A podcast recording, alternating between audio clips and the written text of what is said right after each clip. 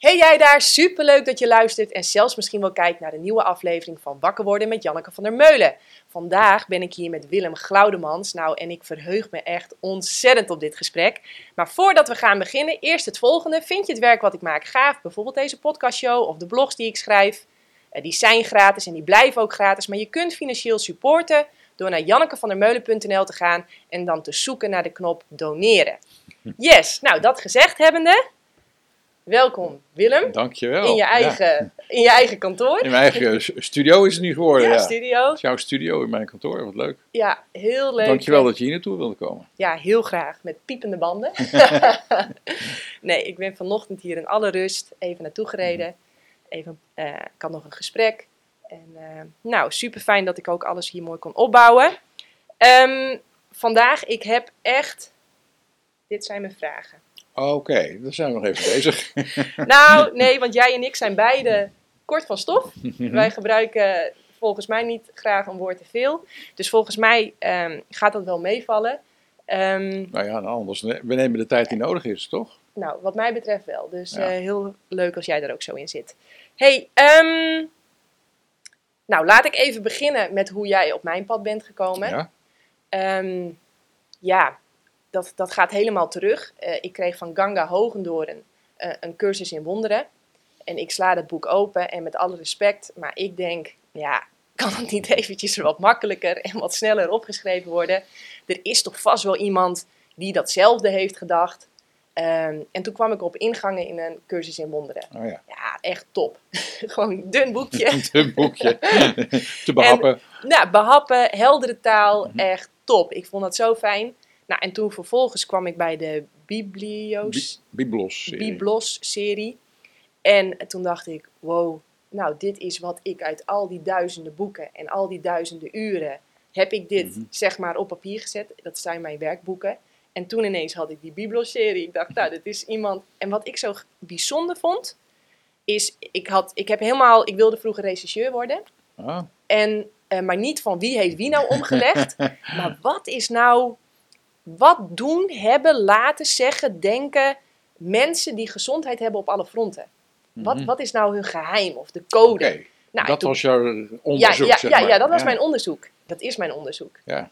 En eh, toen ontdekte ik van. Nou, dus dat, dat talent rechercheur, dat zit er nog steeds in. Ja, ja, ja. ja. En, ehm, en toen ontdekte ik nou, dat het ongeveer het allerbelangrijkste is dat je die stem in je hoofd moet beheersen. Als Mhm. jij die stem niet Mhm. beheerst, dan Mhm. beheerst die jou. Ja. En ik was helemaal van, wow, waarom leer je dat nergens? Dus ik helemaal Ja. uit al die boeken, O, Gewoon op school moet je dat horen. nou precies. En, eh, maar ik kwam er ook achter dat ik bijvoorbeeld jarenlang met boosheid had rondgelopen. Mhm. En dat ik voor echte gezondheid, dat zit hem niet in de appels en de peertjes en de kaakjes en dat, maar dat, dat je daarvoor moet vergeven. Ja. Nou, en, en nou had je ook een boek over. Nou, en zo kwam dat, en dan kan ik wel even die hele biblioserie, hè, je missie, ehm, eh, de, de, de natuurwetten, de, de, De universele wetten. universele wetten. Eh, nou, en dan het boek over sterven. Ik heb Ja. superveel boeken gelezen over mensen met een bijna doodervaring. Of die Mhm. daar. En ja, ik denk dat dat heel belangrijk is om tijdens je leven al bezig te zijn met. Absoluut. Had, absoluut. had je ook weer een boek over. Nou ja, snap je dat het, dat het echt. Dus toen ik een jaar geleden met die podcastshow begon, toen ging ik een lijstje maken van, nou, wie wil ik super graag in mijn show? En daar stond jij op. En toen stuurde ik jou een berichtje en toen kreeg ik een nee. Nou, en dat was even een teleurstelling. Ja. En, eh, maar het leuke is, ehm, daardoor kwam ik in contact met jouw PA, Christopher van Drie, Ja. waar ik een hele gave podcastshow ook mee heb. En wat nu een super fijne samenwerking is. Mhm. Dus dank je wel voor je nee. ja. Zo gebeurt dat soms. Hè? Ja, en, en Christopher, nou ja, dat was ook weer allemaal En, toevalligheden. en, en daardoor eh, ontmoet hij weer David de Kok. Eh, Ja. Nou, het is ook weer contact geworden Ja. enzovoort. Ja, dus, ehm, maar super blij dat we hier dus nu alsnog Ja. zitten. Dat is wederzijds hoor. En eh, Het was namelijk geen nee naar jou. Hè? Dat begrijpt dat goed. ja, ja, dat snap ik heel goed. En, en nee zeggen als topsporter doe je ook niets anders. Je moet echt een liefdevolle nee om jezelf Ja, te beschermen ja, ja. en om ook focus te houden. Eh, ik zeg als je- kunt alleen je ja leven als je ook je nee's leeft. Wauw, nou. Ja, nou dat is Ja, ook zo. ja. En, ehm, en, en, en daarbij ook direct, ik denk ook altijd van, ja, je krijgt eigenlijk ook niet wat je verdient, maar wat je tolereert. Dus je moet ook heel erg, Mhm. tenminste, Wat je tolereert, wat bedoel je daar precies mee? Nou, als je altijd maar ja zegt en Mhm. overal maar eh, lief bent en meewaait Mhm, en mhm. maar doet wat mensen van je verwachten of denken, ja, dan, dan zie ik zo'n wit plastic zakje voor me, wat alle kanten opdwarrelt en nergens heen gaat. Ja, ja. Dus als je je eigen pad wil bewandelen, Ja, zul je heel veel kritiek en weerstand krijgen. En is het dus belangrijk dat je ondanks ehm, eh, die tegenspraak Mhm, of mhm, die dat, dat je toch Je pad blijft volgen. je pad blijft volgen. Ja. Ja, dus dat. Dus, Ja. nou, dat bedoel ik daarmee. Oké. Ehm, Willem, ik heb, eh, het, het, het, het, kan een mooi gesprek worden, maar het kan ook een soort van eh, overhoring worden. Overhoring. Oh, omdat ik zoveel dan, vragen heb. Dan moet, moet ik toch jou overhoren of je mijn boeken goed gelezen Oh ja, ja, nou dat mag. Dat mag. Nee, dat gaan we niet doen Oké, nou, maar je mag wel altijd, dat doen we altijd in de show. Als jij vragen hebt voor mij, Ja, nee, zijn dat, ze eh, even welkom. dat doe ik, ja. Wat je net eigenlijk al deed. Ja, Dus dat ging al super. Nou, ehm, ja, ik denk dus, en ik had gehoopt in mijn sportcarrière, oh, doe even die, ehm, dat ik hier eerder meer ja, bewustzijn op had. Maar wat voor mij echt een gamechanger was, was dat ego. Die stem Ja, in mijn hoofd. ja.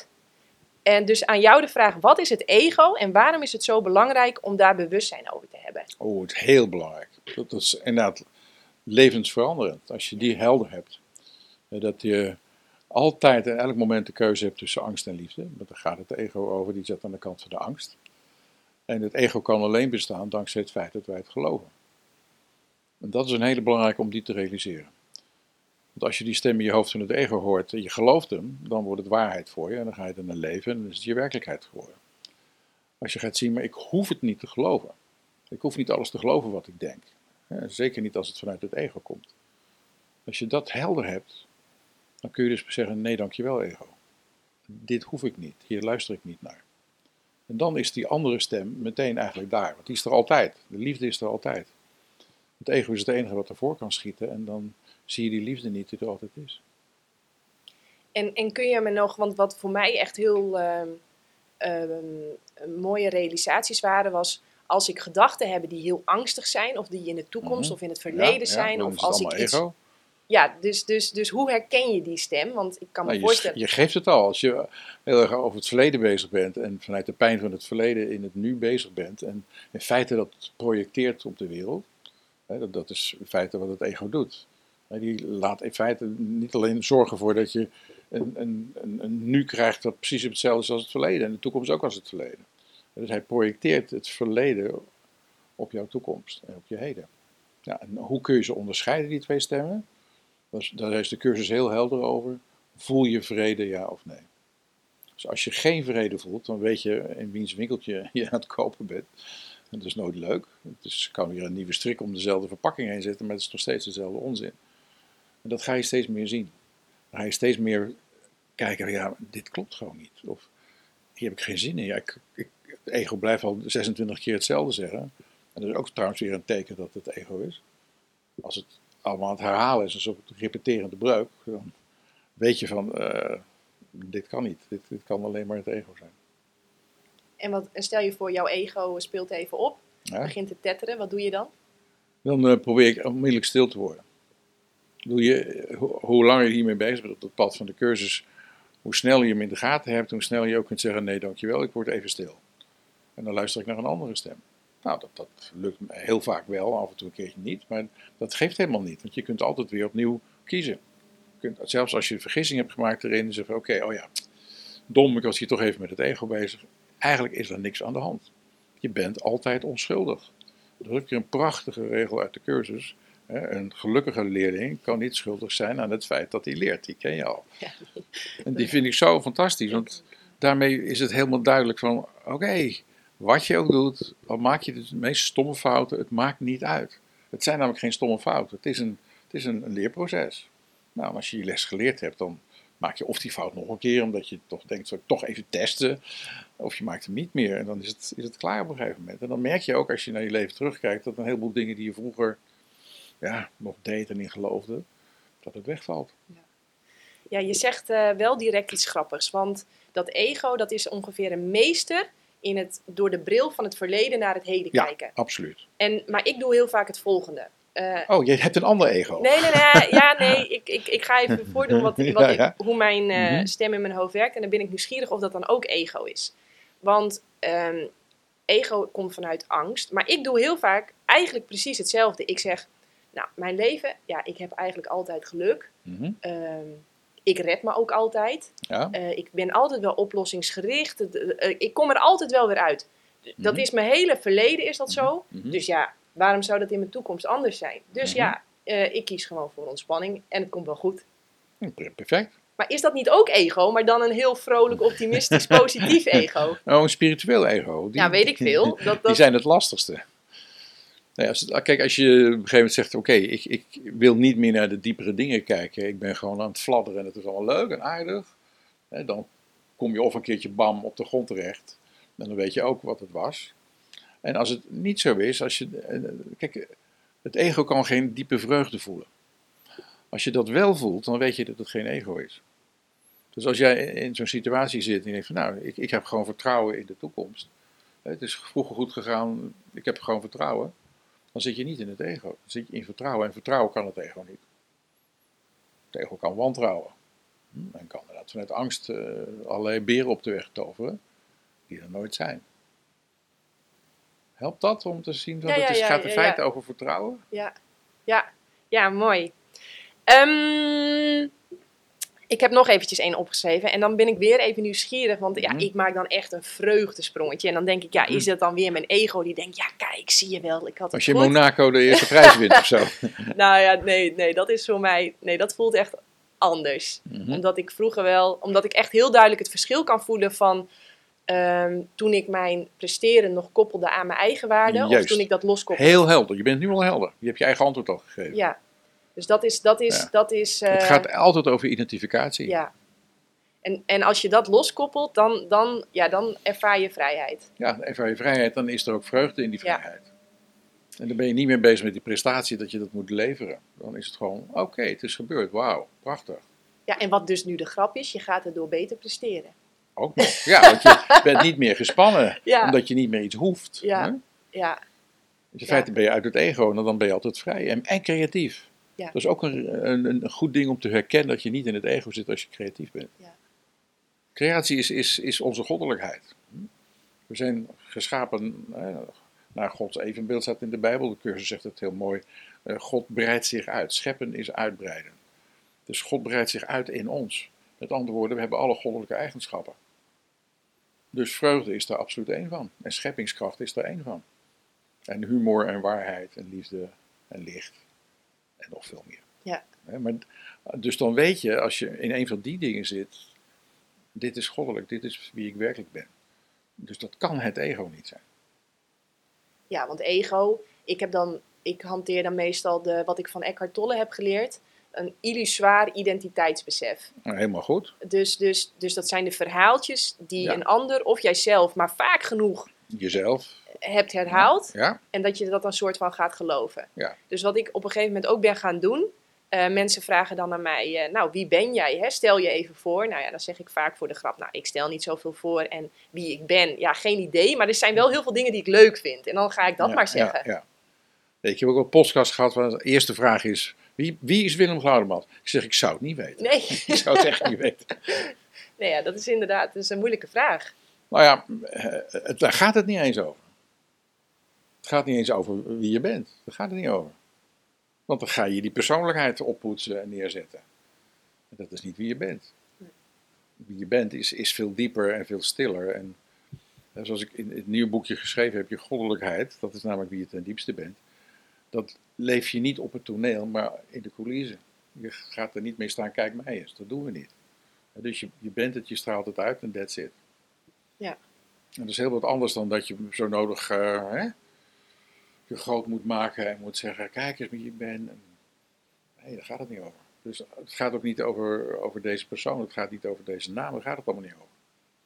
Nee, en, en dan direct, wat mij wel opvalt, als we aan ego denken, denken we vaak aan groot maken en opkloppen. Maar ehm, klein maken en... Dus ook ego. Ja, Kus is daar heel helder over. Die zegt van, het ego kan onze grootheid niet zien. Dus die maakt er of kleinheid van of grootheidswaan. Ja. Dus je blaast zich enorm op van kijk mij eens. Of je gaat onder de tafel zitten en je laat je licht niet schijnen en ik ben er niet. De cursus noemt het laatste ook arrogantie. Ja. Dat vind ik een hele mooie. Valse bescheidenheid of arrogantie. Ja. Het is namelijk dat je toch zegt, ik weet het beter dan God. En ik, ik laat mij maar niet zien. Dus ik ga hier onder de tafel en niemand ziet mij. Dat is ook een vorm van arrogantie. En Nou ja, dat is, een, dat is een, een hele scherpe van de cursus, dat hij dat onderscheid maakt. Ja. En zeg maar, dat is ook arrogantie. Terwijl we denken, arrogantie is, oh, oh. Nee, het is ook, ik ben er niet. Ja, ook omdat jij eigenlijk eh, terughoudt voor de wereld wat jij ook te bieden Ja, hebt. precies. Dus het is, het is niet, het is geen win-win. Het is niet, eh, Het is verlies-verlies. het is verlies-verlies. Ja. Ja. ja. Je hebt iets moois te brengen en dat mag je doen. Dus dat is eigenlijk, ja, dat geldt voor iedereen. Waar je ook bent op dit moment, je hebt iets moois te brengen. En doe dat alsjeblieft. En juist in deze tijd, zeg ik dan nog achteraan. Het is zo belangrijk dat we ons licht gaan leven. Onze liefde gaan leven, onze goddelijkheid gaan leven. Hoe je het noemen wil, maakt helemaal niet uit hoe je het noemt. Maar dat is, dat is echt een urgent project in deze tijd. Ja. Dat we dat doen. ja, daar heb ik nog wel wat dingen over opgeschreven. Maar ik wil eerst Even eventjes terug, terug? Ja, ik dacht, over dat God en het goddelijke. Want kijk, eh, ik ben, eh, nou, ik heb twee fantastische ouders en ehm, op een gegeven moment dan krijg je, dan hoor je ineens Mhm. iets van, oh, mijn oma die gaat naar de kerk, want die gelooft in God en zo. En Mhm. nou, dan ging ik ook naar mijn ouders en dan zei ik, ja, wat is God en geloven wij daar ook in? Nou, en dan, zijn mijn, dan zeiden mijn ouders van, eh, ja, eh, God, ja, nee, wij geloven in onszelf en eh, ja, de rest geloven we wel. Dus, nou ja, oké. Dus als mensen dan mij vroegen van, nou, geloof jij in God? Dan zei, dan zei ik altijd, nee, ja, nee, wij geloven in onszelf en de rest geloven we wel. ook ja, een en- mooi antwoord. Ja, maar, ja, maar ik merk Alleen die wel... laatste is niet zo goed. De rest geloven we wel. Nee, precies. Die is een Daar, beetje daar, zo is- van... daar zit weer de afscheiding in. Ja, precies. Dus ik denk eventjes stap 1.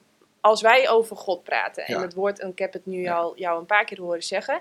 Eén, wat is dat? Of wie is dat? Of wat is dat? Ja? En het tweede wat ik ook nog opgeschreven heb, ehm, dat jij heel vaak praat over de goddelijkheid in jezelf. ja, dat is de ondertitel van het boek. Je goddelijkheid leven. Ja, precies. Staat die weer. Wat dus even bij het begin, God, wie, wie, wat? God, er zijn natuurlijk ontzettend veel misverstanden over God. Ja, Er zijn heel veel ego-beelden en ego-projecties op God geplakt. En daar hebben we altijd het meeste last van. Dat God een, een boosdoener, een wraakzuchtig persoon zou zijn. eh, eh, van ons eh, eist dat we hem gehoorzamen, al dat soort flauwekul. Dat is allemaal ego. Ik heb er op een gegeven moment het woordje e-god voor gemaakt. God van het ego. Ego, E-god. ego, ja. Ja, dat is de God van het ego. En die zie je in alle religies, daar heb ik hier ook over geschreven. In alle religies kom, kom je dat tegen. Dus het ego is overal in elke religie ges- geslopen om maar één ding te bereiken, namelijk dat wij de afscheiding met God zouden handhaven. Terwijl een religie juist is om de verbinding met God te leggen. En het ego heeft dus in al die religies precies het tegenovergestelde gedaan. Oké, maar wat is dan Wat is God? Ja, Ja. Ik, ik, Oh, ik was er, ik was er onderweg. Omdat, Kijk, God kun je in feite niet definiëren. Er zijn geen woorden voor. Dat gaat voorbij alle woorden, alle begrippen. Maar je kunt hem wel ervaren of voelen. En dan, ik heb al even al hem gezegd. Het gaat ook niet over mannelijk of vrouwelijk. Dat ontstijgt dat totaal. Dat zijn allemaal concepten die we hier in deze wereld hebben, in deze dualistische wereld. God is eenheid. God is liefde. God is eeuwigheid. Dus al die kenmerken die wij ook hebben, heeft God in ons gegeven. God is creatie, creatiekracht. En in feite kun je alleen maar God is en dan hou je op met praten, want er zijn daarna geen woorden meer. Dus we kunnen alleen maar zeggen, oké, het is een ervaring. Het is een ervaring van het, goddelijke wat je ja, door je heen voelt komen. Je kunt zeggen, het is een energie, een energie van liefde, allemaal prima. En de cursus is dan weer heel prachtig en die zegt van, je weet pas wat je ontvangen hebt door het te geven. Dus door je goddelijkheid of je liefde naar buiten te brengen, weet je dat je het bent. En anders weet je het gewoon helemaal niet. En dat vind ik eigenlijk een heel mooi principe. Pas door het te geven weet je dat je het ontvangen hebt. En geven en ontvangen zijn de waarheid één. Ook nog zo'n prachtig uit de cursus. En dus hoe, hoe ontdek je God? Nou, ja, door je goddelijke e- eigenschappen te gaan leven. Dat is voor mij de manier om God te, te ervaren. Door je goddelijke eigenschappen te gaan leven. En, en wat, nog even één keer, wat zijn die goddelijke eigenschappen? Je hebt het al, Een paar keer gezegd. ja, maar hoe kun je dat bij jezelf herkennen. Want eh, dat blijkt dus dat jij goddelijke eigenschappen hebt en, En ik. jij maar, ook, ja. Want we zijn allemaal, jij bent ik één. en ik ben jij. We zijn het allemaal één. Precies. Dus, dus, maar ik kan me voorstellen, ik had ook letterlijk opgeschreven van. ehm, ja, dat is dus het nadeel als je heel veel opschrijft. Ehm, maar hoe kan dat, hoe kan deze kennis, zeg maar, dit inzicht, het laatste wat jij nu Mhm. net hebt verteld, hoe kan dat voor iemand helpend zijn? Hoe kan dat iemand ehm, ineens doen laten beseffen van, oh oké, dus we zijn allemaal gelijk. Ik heb dus blijkbaar ook eh, goddelijke eigenschappen. Mhm. Hoe, hoe Nou, je doet het al. Je geeft je eigen antwoord. Door dat besef, oké, ik heb ook die goddelijke eigenschappen, dan kun je niet anders dan daarnaar op zoek gaan. Van wat zijn dan die goddelijke eigenschappen? Nou, we hebben een aantal woorden genoemd, maar dat zijn maar woorden. Het gaat werkelijk over een ervaring. Dus je gaat naar binnen toe en je gaat kijken, oké, als er maar twee stemmen zijn. De stem van het ego over angst en de stem van de liefde. En dat kun je zeggen, dat is onze verbinding met het goddelijke. Nou, als je dat weet, dan kun je in elke situatie altijd zien van waaruit kom ik. Daar heb je wat helderheid en zelfreflectie voor nodig en eerlijkheid. Want soms kan het ego zich ook nog vermommen als, oh ik ben zo prachtig en het is allemaal gezellig. Nou, als je daar doorheen kijkt, en dat, dat gaat steeds beter hoe, hoe vaak je het doet, dan ga je het steeds beter herkennen. Zeggen, ja, maar dit wil ik niet meer. Dus wat ga ik nu doen? Ik ga die andere kant leven. En dan ben je eigenlijk al bezig je goddelijkheid te leven. Want goddelijkheid gaat over liefde. Dan heb je die keus gemaakt over de liefde. En over scheppingskracht. En over vreugde. En over delen met de anderen. Dus alles wat niet over afscheiding gaat. Maar over verbinding. Ik hoor je ook direct zeggen dat liefde dus heel veel nee zeggen is tegen allemaal wat niet. Ja, ook ja. En dat komt allemaal van het ego. Dan zeg je nee, dankjewel. Mijn zin, die heb ik al vaker gezegd. Mijn zin tegen het ego is dankjewel. Nee, dankjewel ego voor je betekenisloze commentaar. Want dat is ook heel helder in de cursus. Het, is, het ego is niet goed of slecht, het is betekenisloos. Nou, als je dat één keer ziet, dan weet je dus dat alle betekenis van het ego door jou eraan is toegekend. En als dat zo is, dan kun je het er ook weer afhalen. En het ego probeert altijd dat we dat niet zien. Hè? Grote rookgordijn eroverheen. Maar als je het wel ziet, dan zie je, dat was mijn eigen gedachte, mijn eigen projectie op deze situatie. En die kan ik eraf halen. In het laatste deel van de cursus is ook heel mooi. Waarneming is een spiegel en geen feit. Dus alles wat je ziet, spiegelt iets van jou. Hm? Nou, als je dat ziet, dan kun je dus kijken, wat voor soort spiegel wil ik? Wil ik een bedreigende wereld, dan krijg ik dat naar me terug. Dan weet je dus, ja, hier zit heel veel angst. En die angst projecteer ik op de wereld. En dan heb ik een bedreigende wereld om me heen. Denk ik, oh my god. Dit is eng en dat is eng. Daar is een oorlog, daar is een ziekte, daar is dit. Maar dat hoeft dus helemaal niet. Dat zijn dingen die, die jij in feite tot een nieuw verhaal maakt. En dat is eigenlijk waar het steeds over gaat. We maken al die verhalen in ons hoofd. Nou, als je dat gaat zien, dan kun je zeggen, ik kan ermee stoppen. Want het is maar mijn verhaal. Het is slechts mijn verhaal. Het heeft geen enkele voedingsbodem in de werkelijkheid. Het is mijn verhaal. Ja, voor mij heel helder. En, ehm, want nog even een ander trucje van het ego. Dat is. Dat is eh, Oh, ik ben dol op de trucjes van het ego. Ja. Laten we het daarover hebben. Ja. Oké, leuk.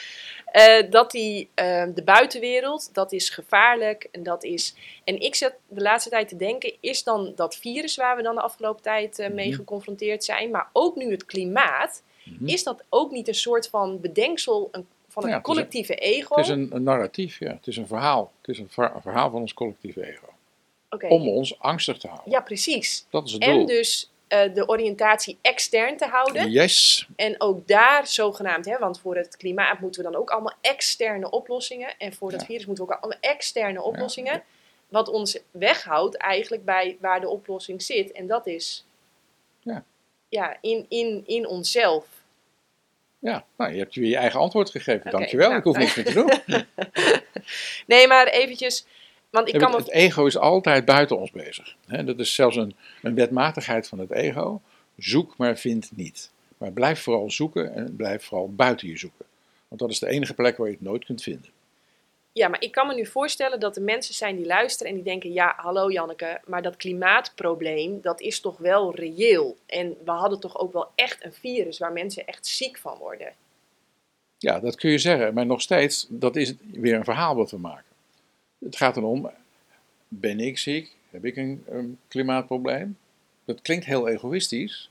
Maar het is, het is tegelijkertijd je weg terug. Want wat ga je aan deze wereld geven? Ja. Ga je Ja. toevoegen aan de angst Ja, of ga je toevoegen aan de liefde in deze wereld? ja, En dat kun je alleen door naar binnen te gaan en je dus niet door al die uiterlijke dingen te laten ja, misleiden, zeg ik dan maar even. Want ga je weer naar binnen en zeggen, oké, wat heb ik hier te geven in deze wereld? En dan zit je in een totaal andere wereld meteen. Met die vraag zit je al in een andere wereld. ja, ik doe altijd, eh, ja, al- Jip en Janneke taal. Ik zal wel voor niets, voor niets Janneke heten. Maar ik zeg je een altijd, broertje die Jip heet? Nee. Ik, eh, ik zeg altijd gewoon heel simpel, simpel. Probeer je iets slechts af te breken. Of probeer je aan iets moois en iets nieuws te bouwen. Nou, Ja. en, dan, en dan even checken. Van, oh ja, ik ben me aan het verzetten tegen het oude en het slechte en alles Ja, wat niet goed ja, is. Oh ja, je, je voelt ook direct. eh. Of, of bouw ik gewoon aan iets moois en probeer ik iets moois te, te, te leveren of te brengen of te schrijven of te tekenen of eh, te zeggen of te delen. nou, dat is de keuze die je altijd hebt. Die heb je altijd, die keuze. Het mooie daarvan is dat als iedereen dit beseft, dan krijg je een totaal andere wereld, ook nog een keer. Ik schreef in mijn nieuw boekje ook iets over een nieuwe beschaving die kan komen, als namelijk iedereen alleen dit besef al gaat leven. Of zijn goddelijkheid gaat leven. In plaats van zijn ego gaat leven. Hm? Nou, meestal zien we ego's eh, die naar buiten treden. Maar dat zie je dus vooral op het journaal. Ik kijk trouwens al jaren geen journaal meer. Maar dat, dat idee van, dat die, het zijn altijd natuurlijk eh, machthebbers die daarmee bezig zijn. Die hebben dan het ego. Maar dat is alleen maar een, een van wat hier van binnen zit. Dus als ze daar nog geïrriteerd over zijn, of denken van, jeetje die Poetin, of jeetje die Xi Jinping, of hoe hoe heet het allemaal, Ping Xi, of, dat is in feite een, een deel in ons. En dat zei eh, Elisabeth Kubler-Ross eh, al in 1985, toen ik voor het eerst bij een workshop was, die zei van, we hebben allemaal een Hitler in ons en allemaal een moeder Teresa. Dat is precies hetzelfde. Ja, de boze wolf en de... Ja. Of het ego en de, en de liefde. Ja. Het is allemaal hetzelfde. Ja. Nou, daar heb je mee te, mee te werken. Dus het ego te doorzien en te zeggen: nee, dankjewel, ik heb je gezien, ik hoef dit niet, dit verhaal. Maar dan zit je toch nog, hè, draait hij nog een keertje rond. Nou, prima, je kunt daar weer in rust gaan door inderdaad tegen jezelf te zeggen: ik ga nu even stil worden.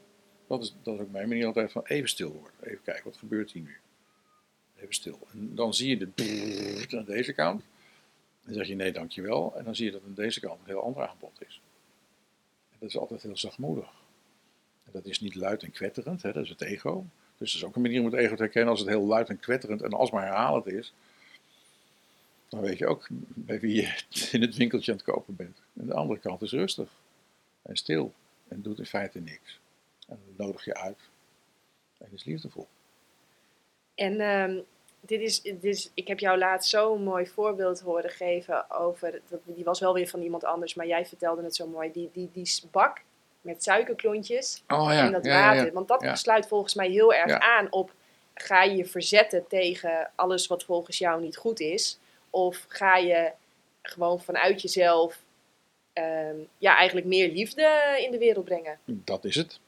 Wil je dat ik dat verhaal nog vertel? Ja, ik vind dat een fantastisch verhaal. Oké, dat was van Martha Beck. Martha Beck was een Amerikaanse sociologe.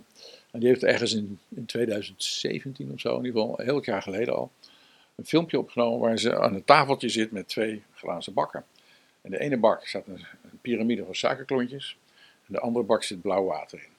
Dan gaat ze uitleggen, kijk, die piramide van suikerklontjes, dat is hoe onze maatschappij georganiseerd is.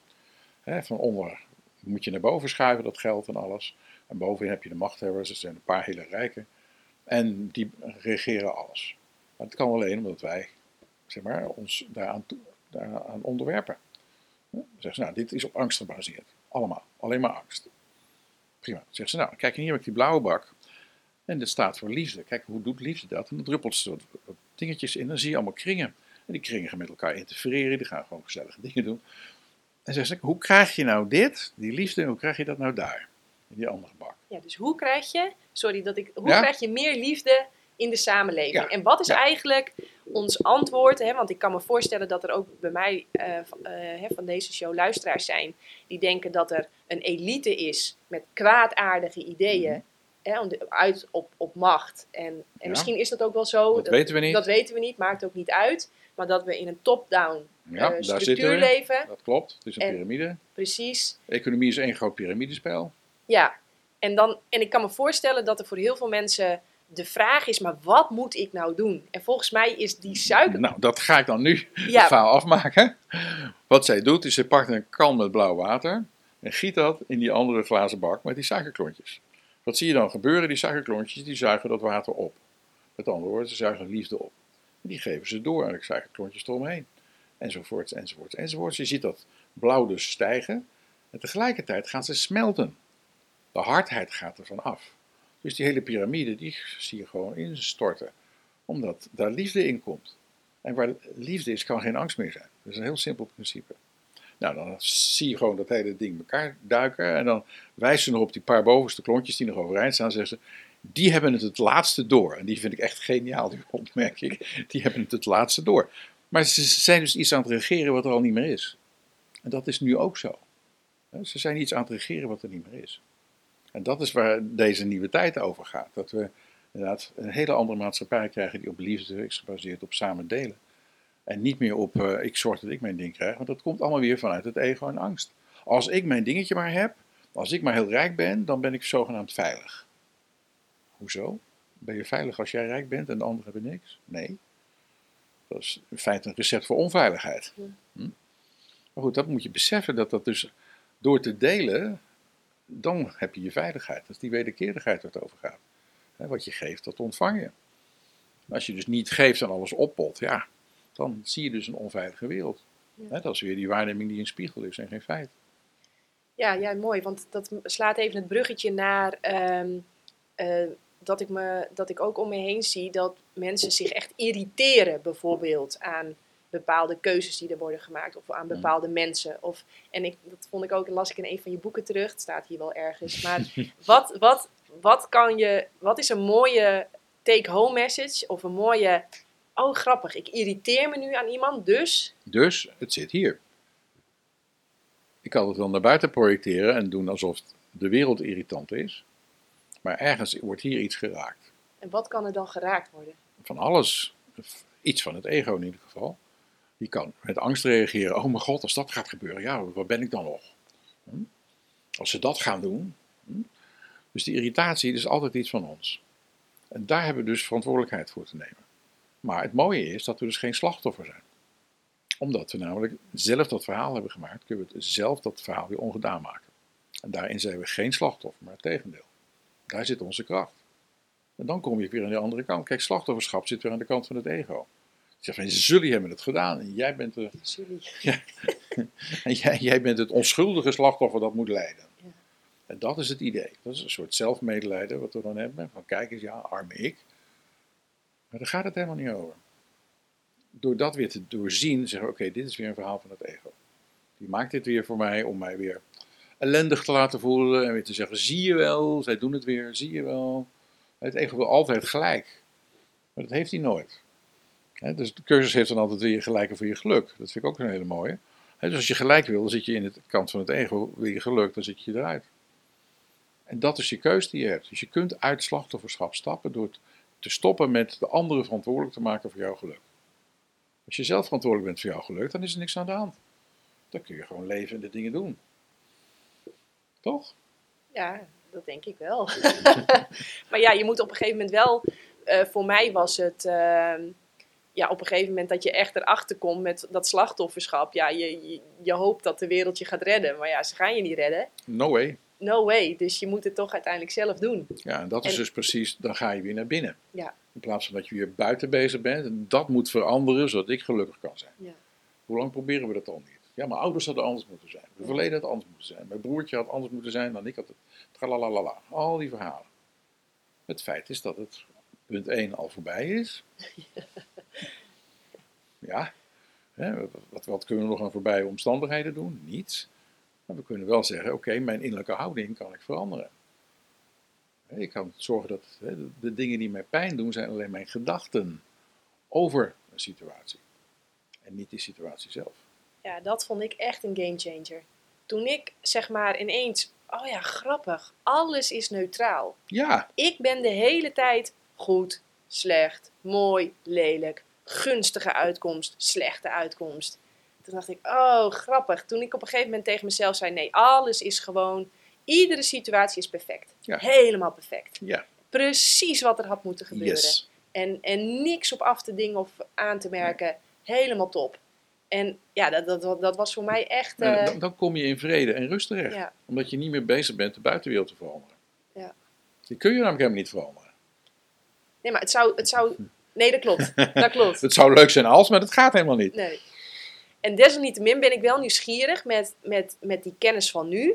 Zou jij dan je kinderen nog naar school sturen? Want wie, dit, ik heb dit nog nooit een leraar horen Ik, zeggen. nee, ik vind ook dat dat wel op school onderwezen moet worden. Dat er levenslessen op scholen gegeven moeten worden. Kijk, rekenen en taal is handig en dan weet je dat en klaar. De rest vinden de kinderen sneller op hun, op hun gsm dan de leraar het kan uitleggen. Of dan gaan ze even zoeken als de leraar iets zegt. Ze zeggen, ja, maar ik heb net dit gevonden, weet je. Dus daar gaat het niet over. Maar die levenslessen, dat is veel belangrijker. En dat doen we nog niet op school. Maar het zou heel, heel erg goed zijn als kinderen te leren krijgen van hoe ga je om met relaties. Wat betekent een relatie? Wie ben je?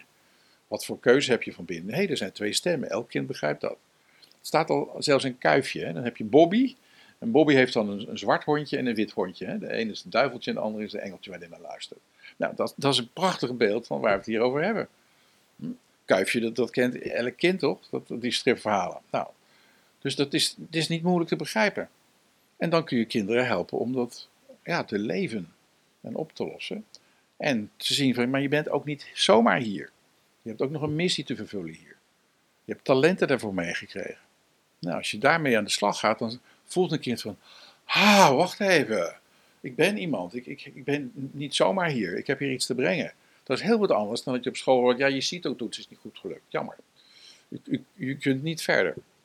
Nou, ik, had hier, hè, ik, krijg ook kinderen met het jongtalentenspel. Op een had ik hier twee meisjes en die zeiden allebei van...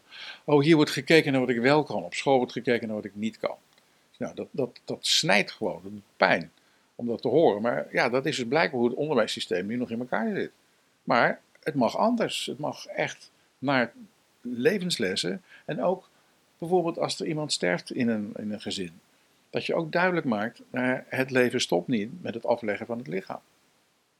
Ook dat is een hele belangrijke les. En kinderen snappen dat meteen. Intuïtief zijn ze veel en veel verder dan wij denken. En zeker in deze tijd komen er kinderen van een uh, veel hoger bewustzijnsniveau hier naartoe. Om ons te helpen dat bewustzijn op te tillen. En ja, die hoef je dit soort dingen eigenlijk niet eens uit te leggen. Maar je moet ze wel de gelegenheid geven om zichzelf erin te vinden.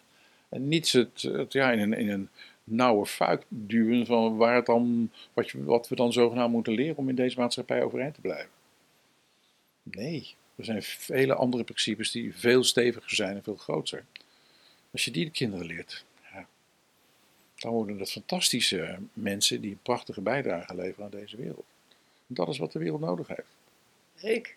Leuk. Nou ja, wij hebben dus zelf net een dochter. En, ja, hoe oud is ze? eh, 18 maanden. Kijk, En, ehm, maar wij zitten er dus aan te denken, omdat eventjes reëel gezien, het schoolsysteem is nog niet zo.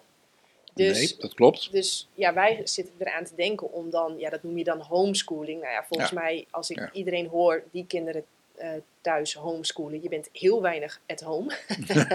Want je bent vooral onderweg en op Mhm. avontuur en je bezoekt mensen all over the world en ja, je bent het, het leven... Je moest kijken wat een fantastische eh, leerschool dat dan is. Hè? Nou, precies. Dus volgens mij, ehm, ja, daar, dat, dat dat in de banken zitten. Ja, jij zei dat net al. Ik, ik coach jongens van 14, 15, 16 bij het roeien. Die krijg ik om half vijf binnen. Dan hebben ze een hele dag op school gezeten. Ja. Het Moeten is ze eerst al die energie eruit natuurlijk. nou, en stijf als een hark. Ja, Echt stijf als een hark. En het blijkt dus dat na je schoolperiode dat je 90% van je flexibiliteit kwijt bent of zo. Nou ja, in ieder geval. Maar dus mijn vraag was, zou jij, want jij hebt zelf ook drie kinderen. ja. Zou jij die nu, met de kennis van nu en je bewustzijn van nu, zou je ze dan naar school brengen? Of wat, hoe zou je dat oplossen? Ik zou ze denk ik wel naar school brengen. Ehm, omdat het, kijk, bijvoorbeeld onze oudste zoon, daar gingen we kijken naar wat voor school die ging. En we hadden een aantal scholen bij ons in Houten en hij zei op een gegeven moment, deze is het. Waarom? Omdat hij zijn vriendjes had. En dat is een belangrijk stuk. Dat een kind bij zijn vriendjes kan blijven. Hm? En daar gewoon nieuwe vriendschappen op doet. Daar gaat school ook over. En niet het onderwijssysteem, maar gewoon die, die verbindingen die je legt. De vriendschappen voor het leven die je maakt. Dat is belangrijk. Nou, hoe dan? Ja, natuurlijk moet je rekenen en taal leren. Hè, Anders kun je zelfs niet eens op je gsm iets doen, hè, als je geen taal en rekenen. Dus dat, dat leer je, prima. En vervolgens zou het nog steeds heel goed zijn als, als de, de kinderen andere dingen leren. Die leren ze bij ons thuis en minder op school. Maar we hadden ook hele goede docenten die dat wel snapten. Die zijn er ook altijd. En dat Ja. moeten we ook niet vergeten.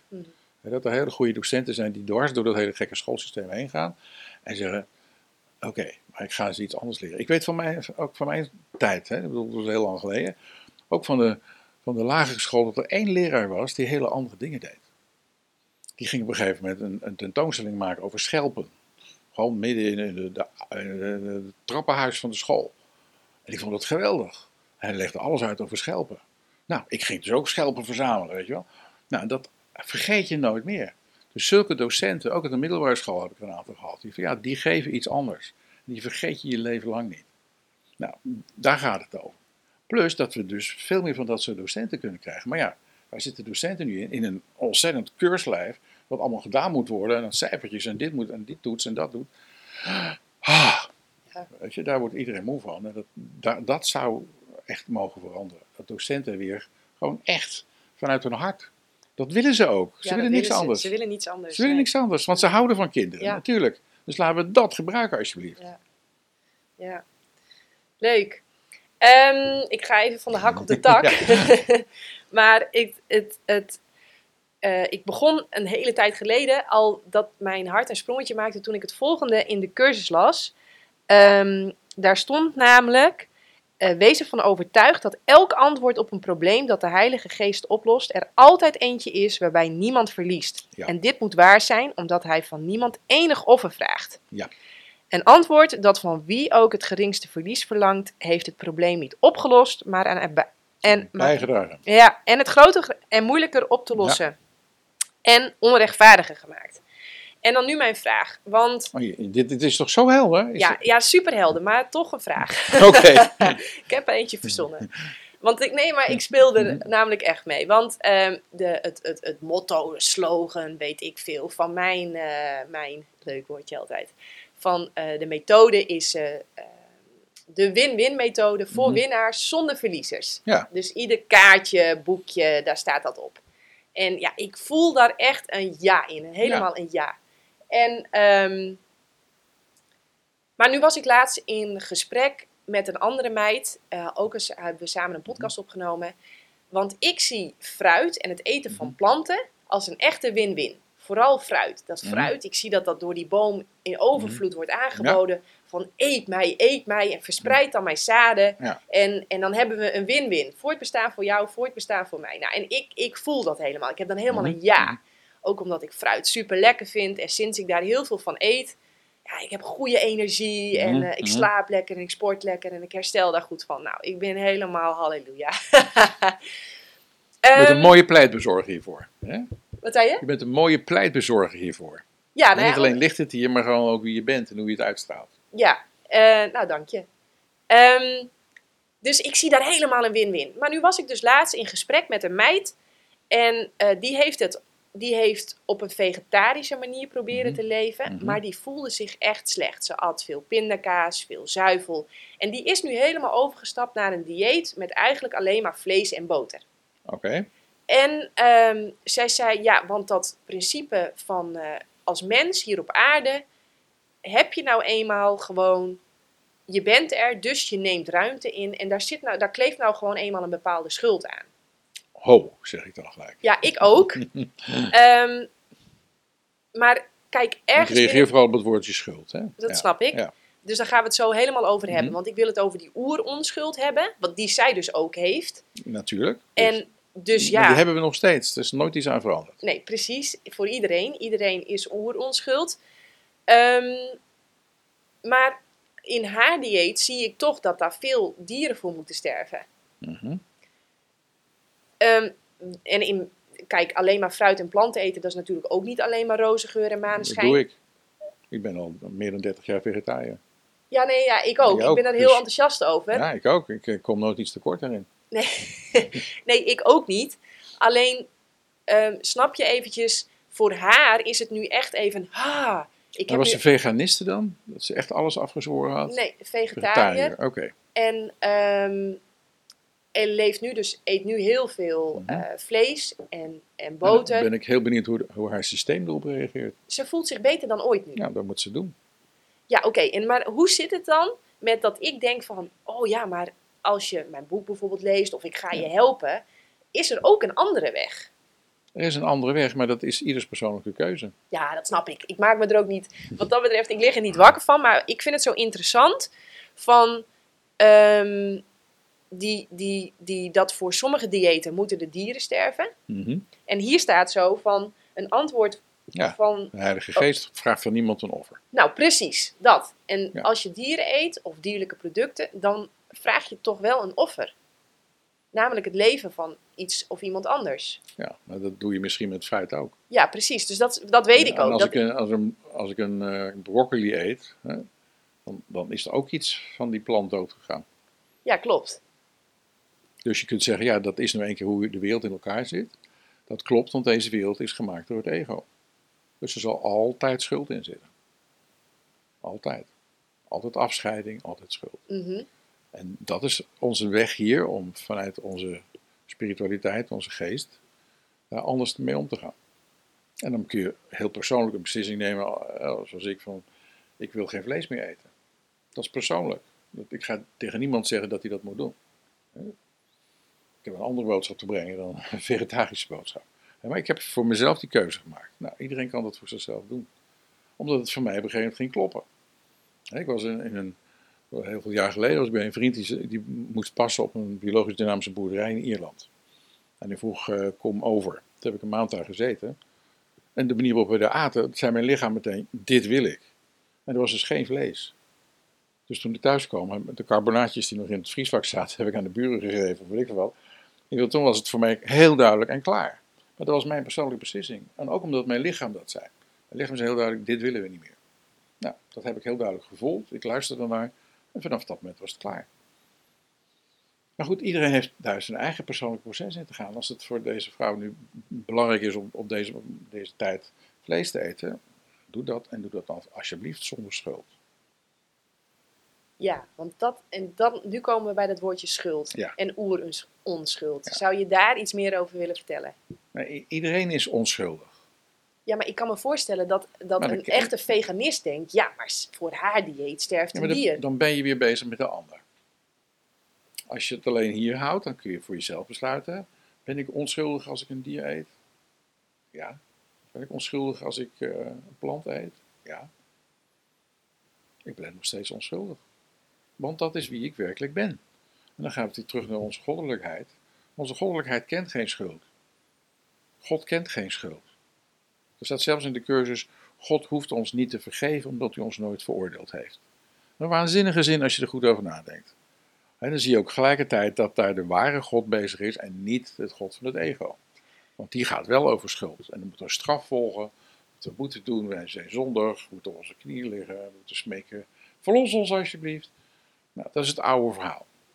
Ja, dus we zijn allemaal vrolijke leerlingen die geen schuld Yes, voelen dat ze aan het leren zijn. Iedereen is bezig om in dit spel op aarde ervaringen op te doen. Mhm. Dus je bent, we zijn allemaal een beetje aan het proeven en aan het snoepen en aan het proberen. En iedereen probeert zijn weg daar een beetje in te vinden. En we doen En we allemaal. donderen om, we maken vergissingen, we lopen even van het pad af, het maakt allemaal niet uit. Want we zijn aan het leren.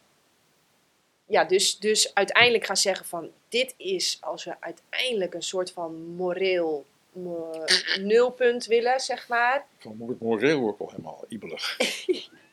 maar ga door. Nou ja, dan, dat, dat is het dus niet. Het is hier gewoon een speelveld. Iedereen eh, ja, proeft en doet en probeert en doet zijn best en doet ervaring op. En eh, Ja. that's it. That's it. En wat jij voor, en jouw taak is dat jij voor jezelf probeert te vinden wat jouw pad is, waar jij Ja. je goed bij voelt. Ja. En meer hoef je gewoon niet te doen. Nee, je hoeft je absoluut niet met andere mensen bezig te houden. In Nee. die zin, hè, van dat je ze wil gaan veranderen. Ja. En daar komt alle moraliteit vandaan, dat we bepaalde leefregels hebben, daar moet iedereen zich aan houden. Nee, een, een manier waarop iemand gaat leven komt vanuit het hart. Als je vandaar leeft, dan, dan bestaan een heleboel dingen, een heleboel vragen en problemen niet meer. En dat is heel anders. Ja, dus wat ik, ik zeg altijd gewoon, en jij, jij zei het zo straks al, ik zeg altijd, ja, ik ben gewoon een lopend reclamebord. Ik doe alleen maar wat ik eigenlijk leuk vind. Mhm. En eh, waar ik heel enthousiast van Mhm. word. En als mensen daarop aanhaken, nou, wees welkom. Ja. Eh, lees mijn boek, eh, probeer het ook. En that's it. That's it. Langer is het verhaal ook niet. Nee. En alles wat je erbij verzint, dat wordt weer ego. Ja. En dan ga je ook weer teleurgesteld worden. Want, oh ja, maar ik heb nou zoveel geïnvesteerd in die gozer en dan doet hij nog niet. En dat meisje heeft het nog steeds niet begrepen. Dat is allemaal onzin. Dat is alleen maar van jou. Ja, Omdat jij iets gegeven hebt, verwacht je dus dat een ander zich daar aan gaat verbinden, mee gaat leven of weet ik veel wat. Hoezo? Die ander is ook vrij om zijn keuzes te maken en ook weer te zeggen van nee, dit wil ik niet of dit wil ik nu niet of misschien kom ik er ooit eens wel aan toe. Allemaal goed. Dat gaat dus echt over niemand veroordelen wat hij ook maar doet. En Toen we het net hadden hè, over dat alles goed is, dat is ook een hele mooie principe uit de cursus. Alles is behulpzaam. Alles is behulpzaam om, om te leren wat we hier te leren hebben. Eh, alles is een les die God wil dat ik leer. is ook nog een tekst uit de cursus. Nou, we weten inmiddels dat God over liefde gaat en over niks anders. Hm? Dus liefde wil dat wij op deze manier in het leven staan. Dingen leren, ons niet schuldig voelen als we een keer ergens een misstap maken. En gewoon zeggen, oké, dat hebben we gezien, we vergeven onszelf, we gaan door. Want anders, als je in schuld zit, dan verlamt dat. Dat verlamt, dat maakt je heel klein, dat maakt je ja, helemaal beperkt. Dat is gewoon niks. Dat, dat werkt niet. je voelt het ook echt direct helemaal in je lijf. Ja, tuurlijk. Dat, eh, dat, Dat- dat, ja, dat. Ja. Ja. Nog één dingetje dan. Toch nog over schuld? Nee. Nee, ja, maar ik, ik probeer eventjes de kritische luisteraar te belichamen. Ja, dat mag, Want uiteraard. kijk, als het dan over dieren gaat en we wel of niet die koe opeten, nou oké, allemaal prima. Maar ik kan me voorstellen dat als die koe ineens je eigen kind wordt eh, en iemand besluit van, hè, dat doen we dan niet, maar stel je voor, die gaan we dan opeten, dan is het ineens, Dan zijn we kannibalen geworden. ja, precies, snap je? Dat, dat, dat, dat, ik Ja, maar er, kan... er zijn toch gewoon een aantal dingen, eh, zeg maar wetten van de liefde, die, die ervoor zorgen dat we dat niet doen. Oké, wat zijn die wetten? Nou ja, je, gaat niet je eigen kind opeten. Nee, maar ook niet een andermans kind. Ook, ook niet een andermans kind. Nee, maar waar stopt dan die grens? Want als Ja, dan, dan gaan we weer kind... naar, naar moraal en naar grenzen. Ja. En we weten het van binnen. Dat is elke keer mijn, mijn punt, dat we van binnen een kompas hebben wat heel zuiver is. Dat kompas is ook wel gecorrumpeerd door religie, door andere dingen, door hè, de dingen die- we ervaren hebben in het leven. Maar in feite staat dat kompas alleen maar op, op de liefde en op de eenheid en op God gericht. En als we dat volgen van binnen, dan weten we altijd wat we moeten doen. En de rest is theorie. Dat we kunnen zeggen, ja, maar zus en zus en zo moeten we dat gaan organiseren. Nee, wijst iedereen naar zijn innerlijke kompas. Van daaruit, als iedereen daarvan uit leeft, dan is er niets meer aan de hand. Gewoon helemaal niets meer. En dan krijg je dus vanzelf, zonder dat we dat hoeven te regelen, krijg je een heel andere maatschappij. Omdat mensen vanuit hun innerlijke kompas, vanuit hun innerlijke liefde, vanuit hun innerlijke wijsheid gaan leven. Dan ga je samen delen, dan ga je je kind niet opeten. Dat is gewoon niet eens in je mind, dat, past gewoon niet in. Hm? Dus daarom is een theoretische vraag, want dat, daar ben je gewoon niet mee bezig. Het gebeurt gewoon niet. En we kunnen het niet voor anderen gaan bepalen of zij dat wel of niet moeten doen. Nee, dus als er iemand... Ja, oké, want dan, dan, dan, dan houden we erover op. nou, je mag nog doorgaan hoor, maar ik weet niet Nee, of het nog nou- interessant is. eh. Jawel, want het is wel interessant. Want ehm, kijk, als het een ander... Als het je eigen kind is, nee, tuurlijk niet. Maar als het de kind van het buren is, ook niet. Maar als het nou het de kind is van een koe...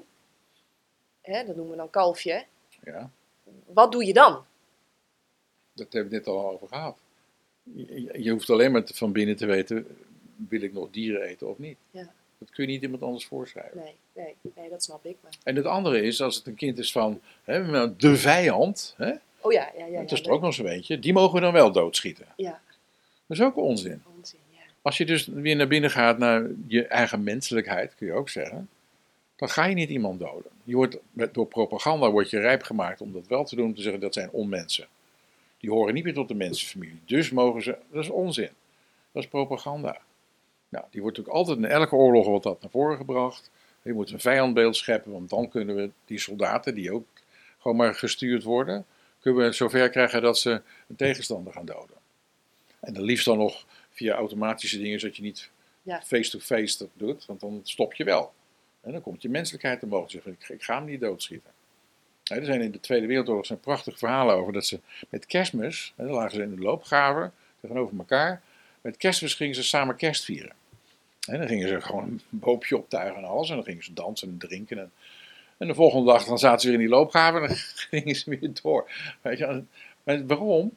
Omdat daar achter die linies stonden de generaals. En die hadden anderen weer gezegd, als ze niet gaan meedoen, worden ze doodgeschoten.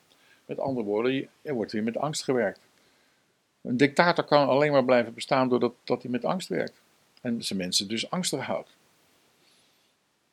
En op een gegeven moment zegt de mensheid, nee dankjewel. We zijn klaar met dat hele angstverhaal. Nou, daar zijn we nou volgens mij naar onderweg. Steeds meer mensen worden hier wakker en zeggen van, dit werkt niet, dit gaan we niet meer doen. Of het nou angst is vanwege een oorlog, of vanwege een pandemie, of vanwege iets anders. Op een gegeven moment ga je zeggen, nee, dit is niet hoe ik wil leven. Ik wil niet in angst leven. Er is een hele andere manier om te leven. In vreugde, in creativiteit, in, in verbinding met andere mensen. En dan maakt het niet uit of dan er ergens nog een pandemie bezig is, of een oorlog, of weet ik het wat. Daar gaat het niet meer over. Want je hebt alleen maar te maken met waar jij bent. En als jij daar je liefde verspreidt, heb je dat voor de hele mensheid gedaan. Omdat de hele mensheid met elkaar verbonden is. Dus één. Dus jouw liefde is verbonden met de liefde van iemand anders, voor iemand anders, voor iemand anders, voor iemand anders. Dus één groot veld van liefde. Kan er iets misgaan? Nee. Dus als jij precies op de plek waar je bent jouw liefde geeft, dan heb je dat dus inderdaad voor het hele veld gedaan. Jouw liefde heb je toegevoegd aan dat grote veld. Iets anders hoef je hier niet te doen. En iets anders is onze verantwoordelijkheid ook helemaal niet. Ik, eh, ik zit en ik knik en ik... eh, ja, super. Nou ja, ik, ja, ja mooi. Hoe kan ik daar nog meer op reageren? Ik weet het niet of je nog vragen hebt. Ehm eh, dankjewel. Ik heb... ehm Oh ja. Ah, dat heb ik nog één. Ja, ja, ja, ja, ja. ja. Ehm, stel, je zet een groepje verlichte mensen bij elkaar. Oh, dat lijkt me verschrikkelijk. Eh, waar zouden ze over praten en waarover liggen ze dubbel van het lachen? Want Oh, we liggen sowieso dubbel van het lachen als je kijkt naar hoe het ego deze wereld probeert te regeren. Dat is toch eigenlijk ontzettend komisch. Ja. En dat we dat blijven geloven, dat is nog veel komischer. Ja. Dan zeg je van, hoe is het mogelijk dat we dat niet doorzien? Nou, we doorzien het wel. Dus als je het doorziet, dat is ook wel grappig, als je er doorheen bent, dan wordt het ontzettend komisch. Dat is precies waar wij de cursus over schrijft. In de eeuwigheid waar alles één is, sloop een nietig dwaas idee binnen waarom de Zoon van God vergat te lachen. Dat is het hele verhaal hoe het ego tot stand gekomen is. We vergaten simpelweg te lachen. Dus onze terugweg is altijd gieren en brullen van het lachen om te zien van, dit is zo'n waanzin dat we dit geloofd hebben. Dat we in de afscheiding geloofd hebben. Dat we gedacht hebben dat we echt weg konden zijn bij God. Het is zo, het is zo grappig als je naar denken kunt. Als je er goed naar kijkt, dan, dan kun je alleen maar lachen. Ja. En dan stopt de rest. Dus ja, laten we alsjeblieft lachen. dus, eh, en dan is, dat is ook direct dus weer een teken van het ego. Als we serieus Oh, zitten ja. en we fronsen te veel. Hè, dus ik zeg altijd minder fronsen, meer lachen. Mhm. Ehm, ja, dan weet je ook alweer van, oh ja, we zitten in dat ego. En, Het is eh, zwaar, het is heel zwaar. zwaar en serieus en Heel lastig serieus, en en ernstig. Ja, ernstig. ja, Nee, oké. Nee, ja, leuk. Dus, dat, eh, dat, is, dat, is, eh, dat is in feite de omslag weer. Het gaat altijd maar over dezelfde omslag. De omslag van angst naar liefde. Dus van ernst en zwaar en ego naar lachen. En de zaak licht zien. Hm? En letterlijk licht zien.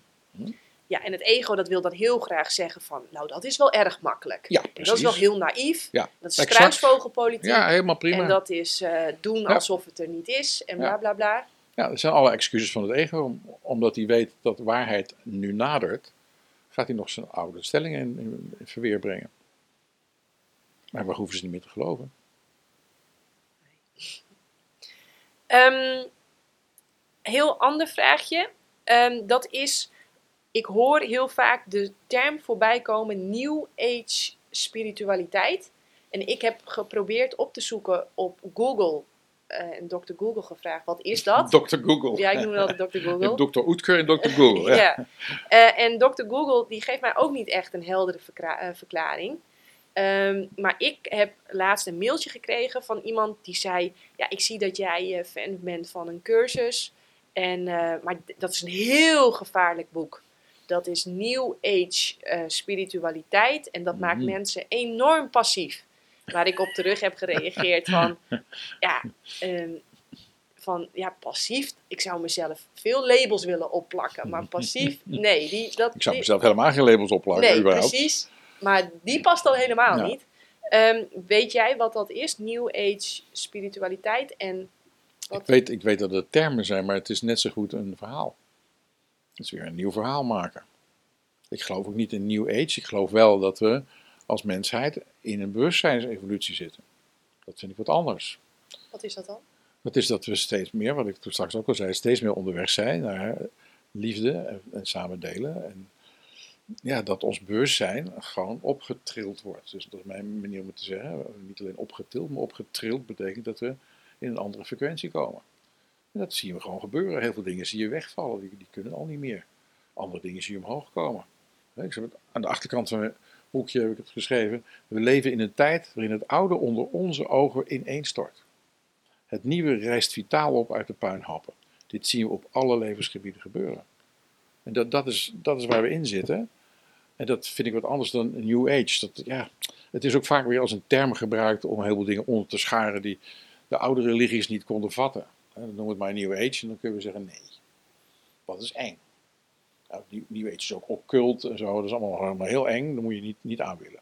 Dus vanuit die kant begrijp ik dat. Hè, dat je zo'n label maakt en dan zegt nee. Maar als je gewoon dat label loslaat, zegt, waar gaat het nu over in deze tijd? Is dit een New Age? Ik zou het niet weten. Wat ik wel weet is dat we met elkaar bezig zijn in een bewustzijnsversnelling te zitten.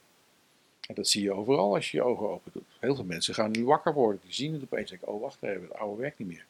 Nou, daar gaat het voor mij over. En daar ben ik met volle vreugde aanwezig om dit te helpen. Dat, dat- ja, dat het gebeurt. Maar kun je je ook voorstellen dat, zo'n dat een, een, een boek als een cursus, dat dat mensen passief maakt? Dat is, Nee, dat is dan een soort, Nee, als je hem goed leest niet. Als je hem goed leest niet, maar het ego leest het boek ook. Precies, en als het ego het boek leest, dan krijg je dus weer hetzelfde oude verhaal. Hè, die zit op je schouder en die leest mee. Zegt, oh ja, nee, er staat dit, maar dat kun je ook anders zien. Die, die leest gewoon mee en die komt in met zijn eigen oude verhaal. Waarom? Omdat het ego doodsbang is voor een cursus in wonderen. Bill Tedford, van twee, bij wie de cursus is binnengekomen met Helen Schuckman samen, die zei er is een vervolg geschreven op de cursus. Oh, zijn mensen, wat dan? The ego strikes back. Dus het ego mapt terug. En natuurlijk, want hij wil dit niet. Want hij weet gewoon dat als je de cursus echt doet, dat het ego geen grond meer heeft om te bestaan. In jou. Dus alles zegt nee, weerstand. En die weerstand kan zich op allerlei manieren vertalen. Mensen zeggen het is te dik, eh, de christelijke terminologie staat me niet aan, het is zo moeilijk geschreven. Allerlei andere excuses meer. Maar het zijn excuses. Omdat iets in jou weet, als ik dit echt ga doen, dan zou mijn hele leven wel eens ondersteboven kunnen gaan. En daar hebben we geen zin in. Nou, prima, dan laat je de cursus liggen. Je hoeft de cursus niet te doen voor mij. Wie ben ik om dat voor te schrijven? Nee. Helder. Helder. Ehm, oh ja, waar ik nou zo nieuwsgierig naar ben is. En, en, en dat wordt dan even filosoferen, speculeren. Maar ik ben heel nieuwsgierig naar jouw visie. Ehm, waarom worden mensen ziek? Want ik lees ook het lichaam, dat is eigenlijk een illusie. Tegelijkertijd zorgen wel supergoed voor. Ja, dat moet ook. En, en, en, maar zit er nog een reden of een doel achter? Of, of een, een, een, waarom worden mensen ziek? Oké. Moeten we even eerst iets zeggen over het lichaam? Ja. Vanuit het ego gezien is het een symbool van afgescheidenheid. Ja. Jij zit aan dat lichaam, ik zit in dit, dit lichaam, er zit een dingetje tussen. Kijk Ja. maar, we zijn niet één. Ja. Dat is het verhaal van het ego. De cursus gaat naar iets anders. Ze zegt het, het, het lichaam is in feite neutraal. Hè? En dat betekent dat je kunt het lichaam als iets neutraals kun je aan het ego geven. Dan wordt het een werktuig van afgescheidenheid, van boosheid, van, van aanval en verdediging. Of je kunt het lichaam, omdat het in zichzelf neutraal is, aan de Heilige Geest en de liefde geven. En dan wordt het een communicatiemiddel van liefde. Dus alles wat het ego gemaakt heeft, kan de Heilige Geest, zoals de cursus dat noemt, hè, de, feite de stem die spreekt namens God, die kan het vertalen naar iets anders. Dus als het lichaam hè, als afscheiding bedoeld was, dan zegt de cursus van oké, dat is het niet, het is neutraal. En je kunt het nog steeds gebruiken voor liefde. Laten we dat nou gaan doen. Waar gaat ziekte over? Ziekte gaat in feite nooit over het lichaam. Het gaat altijd over een gedachte in de denkgeest. Die altijd gaat over schuld. Ergens zit er altijd schuld achter. Als je dat op een gegeven moment gaat zien, dan kun je ook naar, jezelf kijken en zeggen: Oké, als ik me niet goed voel, wat zit er dan achter?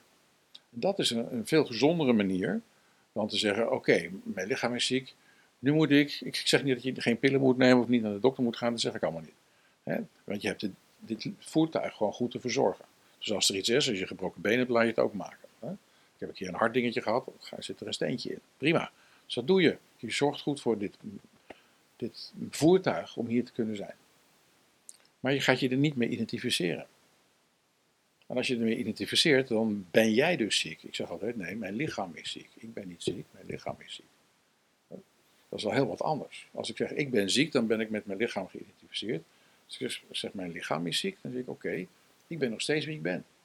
Daar is niets aan veranderd. Ook niet doordat ik, dat mijn lichaam ziek is. Het is heel makkelijk om te zeggen dat ik ziek ben. Nee, dat is, dat is onze taal die dat doet.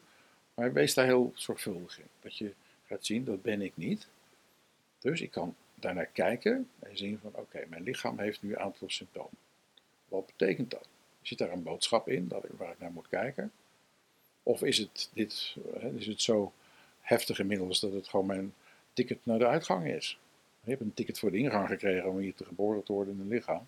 Je hebt hier een ticket voor de uitgang. Als het op een gegeven moment klaar is, dan leg je het lichaam af. En dan ben je er nog steeds. Dat, is, dat zeg ik ook altijd, als je een oude jas uitdoet, dan ben je er nog steeds. Maar we denken, als we het lichaam afleggen, dan zijn we er niet meer. Jawel, dan ben je er nog steeds. Nou, als je dat ook weet, dan is een ziekte ook al veel minder ernstig. Omdat je weet, dit is gewoon iets wat mij nu helpt om weer naar de andere kant te gaan. Iedereen heeft een. Zelfs iemand als Ramana Maharshi, grote verlichte Indiase geest, die op zijn vijftiende al verlicht was, die is op zijn 83ste gestorven aan een of andere kanker. Hij, hij vond het helemaal niet interessant. Hij was daar eigenlijk niet mee bezig. Omdat je begint te weten van, ik ben in rust, ik ben in vrede. Ik ben hier zolang ik hier nodig ben. En als het klaar is, is het klaar. Ik zou voor mezelf dus ook nooit levensverlengende middelen hoeven te hebben. Dat bestaat niet eens. Hoezo kun je het leven verlengen? Dat kan helemaal niet. Je ziel weet wanneer die gaat. Die eindtijd is op een bepaalde manier al bepaald. Dat kun je niet verlengen. Je doet het wel verkorten als je dat zou willen, maar dat heb ik ook geen behoefte aan. Dus voor mij betreft is het heel helder. Als het klaar is, is het klaar. Ik heb mijn ding gedaan hier in deze wereld. En ik ga met volle vreugde ga ik weer weg. Naar een ja, een ander bestaan van ik weet het, gaat verder, maar zonder de beperking van het lichaam. Dus wat is ziekte nou? Ja, is, een, is een signaal om te ontwaken. Zo zie ik het eigenlijk steeds meer. Als je ziek bent, is het gewoon, oké, even kijken, wat is er nu aan de hand? Ik, ik, ik, heb dan, als het al corona is geweest, ik heb iets gehad waardoor ik een, maand lang op, op uh, de bank gelegen heb. Hè, dat niet lekker voelde. En dan ging ik nadenken, wat, wat is dit, wat zegt dit? Nou, binnen één dag hè, was het al duidelijk. Ik had veel te hard gewerkt en geen pauzes genomen. Dus mijn systeem zei eigenlijk stop. Dankjewel systeem. Dus dan heb ik mijn maatregelen genomen dat ik elke week gewoon minstens één dag vrij heb. En niet met de ene 16 de andere. En ik was toen in de situatie dat ik hè, een tweedaagse gaf, een weekend nog en nog vijf dagen, weet je. En ja, dat kwam zo uit op een of andere rare manier. En nu ben ik er nog veel alerter op dat als ik. Ik heb bijvoorbeeld afgelopen weekend een boekpresentatie gehad en een lezing in België. Dan heb ik twee dagen vrij. En vandaag heb ik alleen dit en ook verder niks. Nou, dat ben ik gaan leren. Hè? Dus dat heeft dat mij gebracht. Nou, daar kun je naar kijken. Wat is de boodschap die erin zit? Nu snap ik dat je heel veel pijn kunt hebben en dat het heel ellendig kan zijn. Dat snap ik. Is menselijk gezien is dat, is dat duidelijk dat dat gebeurt. En dan kun je ook nog steeds kijken, oké, hoe ga ik goed voor mijn lichaam zorgen? dat mijn lichaam zo min mogelijk pijn heeft. Daar zit niet je genezing, maar het is wel een palliatieve zorg die je jezelf moet geven. Genezing zit altijd in de denkgeest, in, de, in je spirit. Je spirit kan ook ineens ziek zijn, maar je denkgeest nog wel. Je psyche kan ook ziek zijn, hè, doordat het in afscheiding gelooft. Dat is de enige echte ziekte die er is. Volgens de keuzes is het heel helder. Je kunt alleen ziek zijn als je denkt dat je hier afzonderlijk bent geen verbinding hebt met anderen, geen verbinding met je diepste zelf en geen verbinding met God. Dat zijn de, eigenlijk de enige vorm van ziekte die er is. Dus elke ziekte kan je laten ontwaken van, oh wacht, Hé, hey, wacht even. Als ik dus een van die drie heb ik mezelf heb met mezelf afgesneden, heb ik me afgesneden naar anderen, heb ik me afgesneden naar God, of het grote geheel of de bron, of hoe je het noemen wil. Hè? Die, die naam doet er verder niet toe. Als je die vraag stelt, dan wordt het ook een ander verhaal. En dan kom je waarschijnlijk, als je goed kijkt, ergens weer bij een verhaal van het ego over schuld. We zijn schuldig dat we ons van onszelf hebben afgesneden, van God hebben afgesneden, van de ander hebben afgesneden. Dan zit je daar weer in. Nou, dan is vergeving het antwoord. Vergeving is niets anders dan ontschuldigen, de schuld van het verhaal afhalen. Ja, de... Dat was een heleboel ineens. Ja, ja, ja, heel mooi. Maar er schiet mij wel direct het, het, uh, iets te binnen. Dat is even een case. Um, die, die dame, daar sprak ik mee. En die had zichzelf uh, ja, gewoon helemaal de happy family gevisualiseerd. Mm -hmm. Man, vrouw, mm -hmm. uh, twee kinderen. En nou, dat was het ook. Het was helemaal perfect. En dat toen, kreeg ze ook? Ja, dat had, kreeg ja. ze ook. Dat ja. had ze ook. en toen bleek de meneer vreemd te gaan. Ja, dan zijn wij toch een soort van geconditioneerd. Dat mag niet, dus ja, uit elkaar. Mm-hmm. En nu leven ze dus gescheiden van elkaar. En zij voelt zoveel, um, nee laat ik even beginnen, fysieke pijn. Bloedwaarden zijn mm-hmm. allemaal goed. Mm-hmm. Op het oog ook niets te zien ja. en toch fysieke pijn. Ja. En, um, maar waar zit haar wrok? Precies. Naar haar ex-man. Hm? Ja, of naar zichzelf. Een Allebei, soort van, van ja. ja. ik had jullie zo graag de Ja, ze had, een, ze had een ideaalplaatje en dat werd doorkruist. Dus haar verhaal viel in diggelen. Dat Ja. snap ik. Dat Ja. doet pijn. Dat doet heel pijn, ja. Ja, en dan kun je twee dingen doen. Je kunt dan zeggen, hij had mij gelukkig moeten maken. Dat moet hij nog steeds doen, de sukkel. Dat doet hij niet. Dus ik gooi al mijn pijlen naar hem toe. Hij is de boosdoener. Hij had het anders moeten doen. Hij had mij gelukkig moeten maken. Dat heeft hij niet gedaan. Maar vergeving zegt iets heel anders. Vergeven zegt, ik had verwachtingen. Ik had verwachtingen over, ik had een heel mooi verhaal gemaakt. Daar stonden alle prachtige verwachtingen in. Ik had een script geschreven voor hem. Zo moest hij zich aan voldoen en dat doet hij niet. Nou, dan kun je zeggen, oké, wat kan ik nu doen? Ik kan dat script vasthouden en zeggen, je bent de boosdoener. Of je kunt zeggen, ik ga vergeven. Dat betekent, dat script gaat van tafel. Ik laat mijn verwachtingen los. Eén voor één. Ik had liever gehad dat hij bij me was gebleven. Maar dat was niet zo. Dus die verwachting laat ik los. Ik had liever gehad dat hij mij trouw was gebleven. Dat was niet zo. Dus die verwachting laat ik los. Enzovoort. Dat is de manier om het in je binnenwereld schoon te maken. En dan kun je weer in vrede zijn. En dan kun je misschien ook weer gaan zien. Hè, ik geloof namelijk altijd in, als er liefde is, dan is die voor eeuwig. De vorm waarin de liefde zich kan uiten, kan veranderen. Maar de liefde is er nog steeds. Dus het zou best kunnen zijn dat als je vergeeft, op een gegeven moment gaat ontdekken: oké, maar er is een andere manier mogelijk om met hem nog steeds in relatie te zijn. Want we hebben ook nog kinderen. Het gaat niet eens over die kinderen, het gaat over jou. Dan ga je dus zien: oké, als ik vergeef, dan is mijn hart weer open.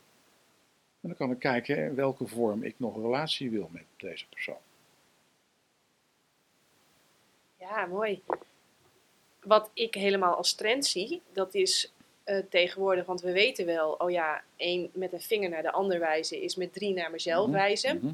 Dus dan ga ik mezelf maar de schuld geven. Ja, dat is ook een leuke. ik, ik had toch eigenlijk wel kunnen weten dat. Ik had de signalen toch moeten verstaan. Ja, precies. Of, ik had toch eh, al een ander parfum geroken. Ja. En ik wilde eigenlijk op zijn gsm kijken. tralala. Ja, maar ook eh, van, ja, maar goed. En ja, dan ben ik toch met die, met die jongen in C gegaan. Maar nu heb ik, er zijn wel twee kinderen. Mhm. En die hebben nu gescheiden ouders. Maar ga je een vechtscheiding doen of niet? Ik ben ook gescheiden. Ik had ook drie kinderen. Die heb ik nog steeds trouwens. Dat hebben ze allebei nog steeds. Hè? Wij ontdekten op een gegeven moment dat de vorm van onze relatie zoals die was, dat de liefde kon doorgaan, maar de vorm moest veranderen. En dat hebben we allebei gedaan. We houden nog steeds ontzettend veel van elkaar. Pas is onze oudste zoon getrouwd. Wij zitten naast elkaar bij dat huwelijk. Aan die kant zit haar vriend en aan deze kant zit mijn vriendin. Maar wij zitten naast elkaar en dat voelt ook zo. Dat klopt. Dus dat is er nog steeds. Dat kan dus. En onze kinderen hebben nooit hoeven te kiezen of zo, hebben nooit gevochten. Niks. Dus ze hebben nooit dat loyaliteitsconflict gehad. Dus dat kan. Je kunt echt in vergeving staan en gewoon doorgaan met elkaar in een andere vorm. De liefde is er nog steeds, maar de vorm verandert. Nou, als je dat onderscheid gaat maken, dan kun je eigenlijk altijd door. In een nieuwe vorm. Ja, maar ja, je moet aan twee kanten moet je kunnen vergeven. Dat is wel een voorwaarde.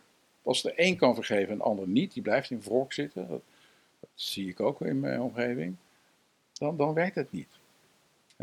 Maar jij kunt nog steeds in jouw vrede blijven. En blijven zien, oké, dit is waar ik sta. Ik, op hou ik nog steeds van die persoon. Ik ben er nog steeds voor de kinderen. Dat kan. Maar het is lastiger, ook in praktische zin, als die anderen zeggen: Ja, maar je moet, jij moet de kinderen naar mij toe brengen. Weet ik veel wat. Hè? Allerlei eisen, dat hoor ik hier ook aan deze tafel. Je wil ook zeggen: Nou, weet je, de kinderen kunnen er niks aan doen dat zijn. Dus daar gaan we, het niet, daar gaan we niet de, de, de, negatieve rekening neerleggen. Hè, mijn ex-vrouw die ging in hetzelfde dorp een paar aantal straten verder wonen. Hè, Ik heb ook geholpen erbij. En op een gegeven moment zei ik tegen de kinderen: Jongens, weet je, we hebben dus co-ouderschap. hè, eh, Een week bij mij, een bij Carla.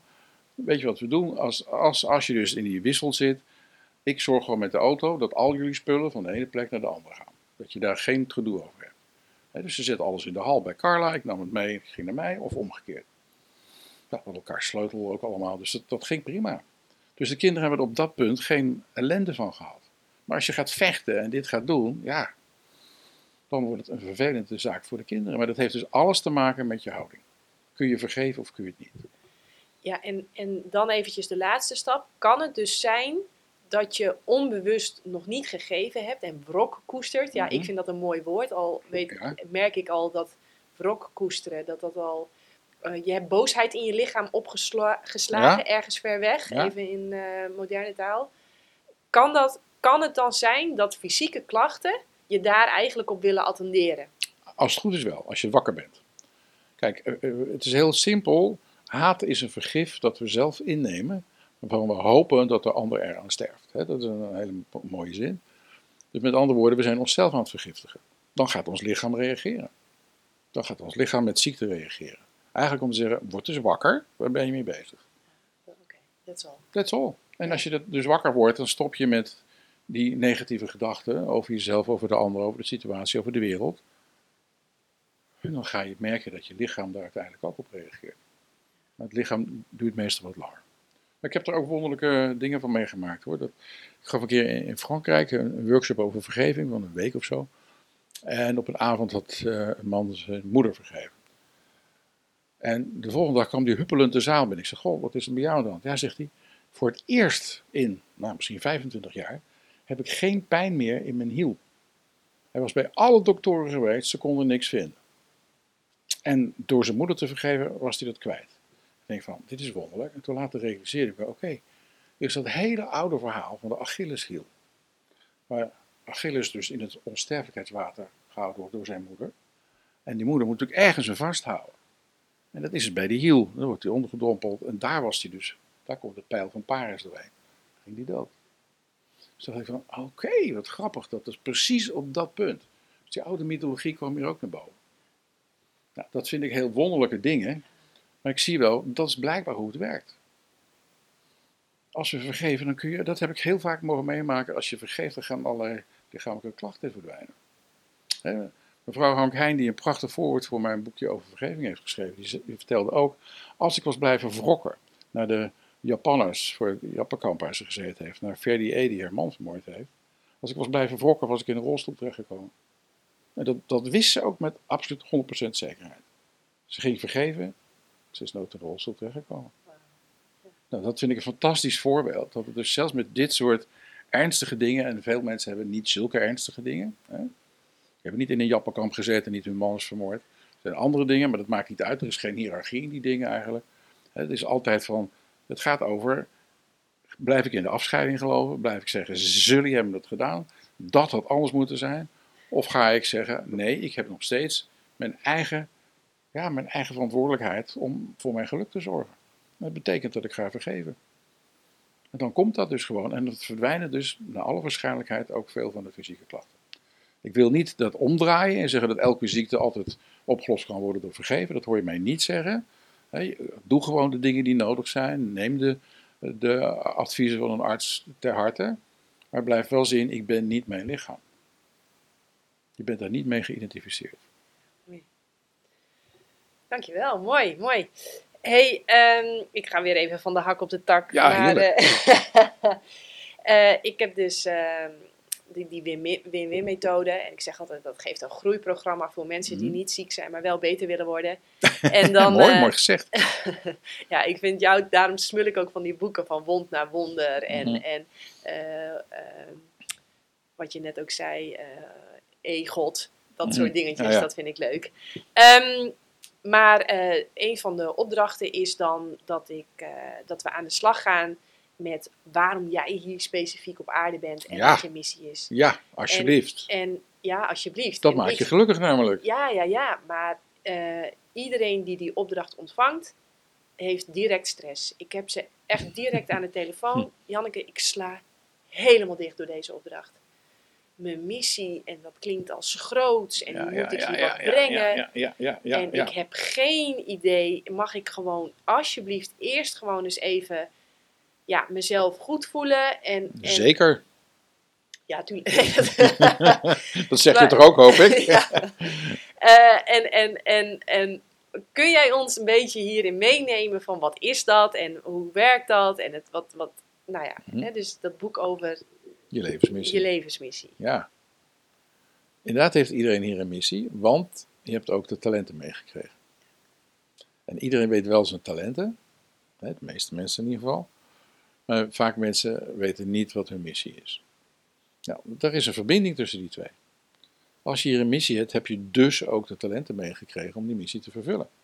Anders zou het wel de reden aangelegenheid zijn.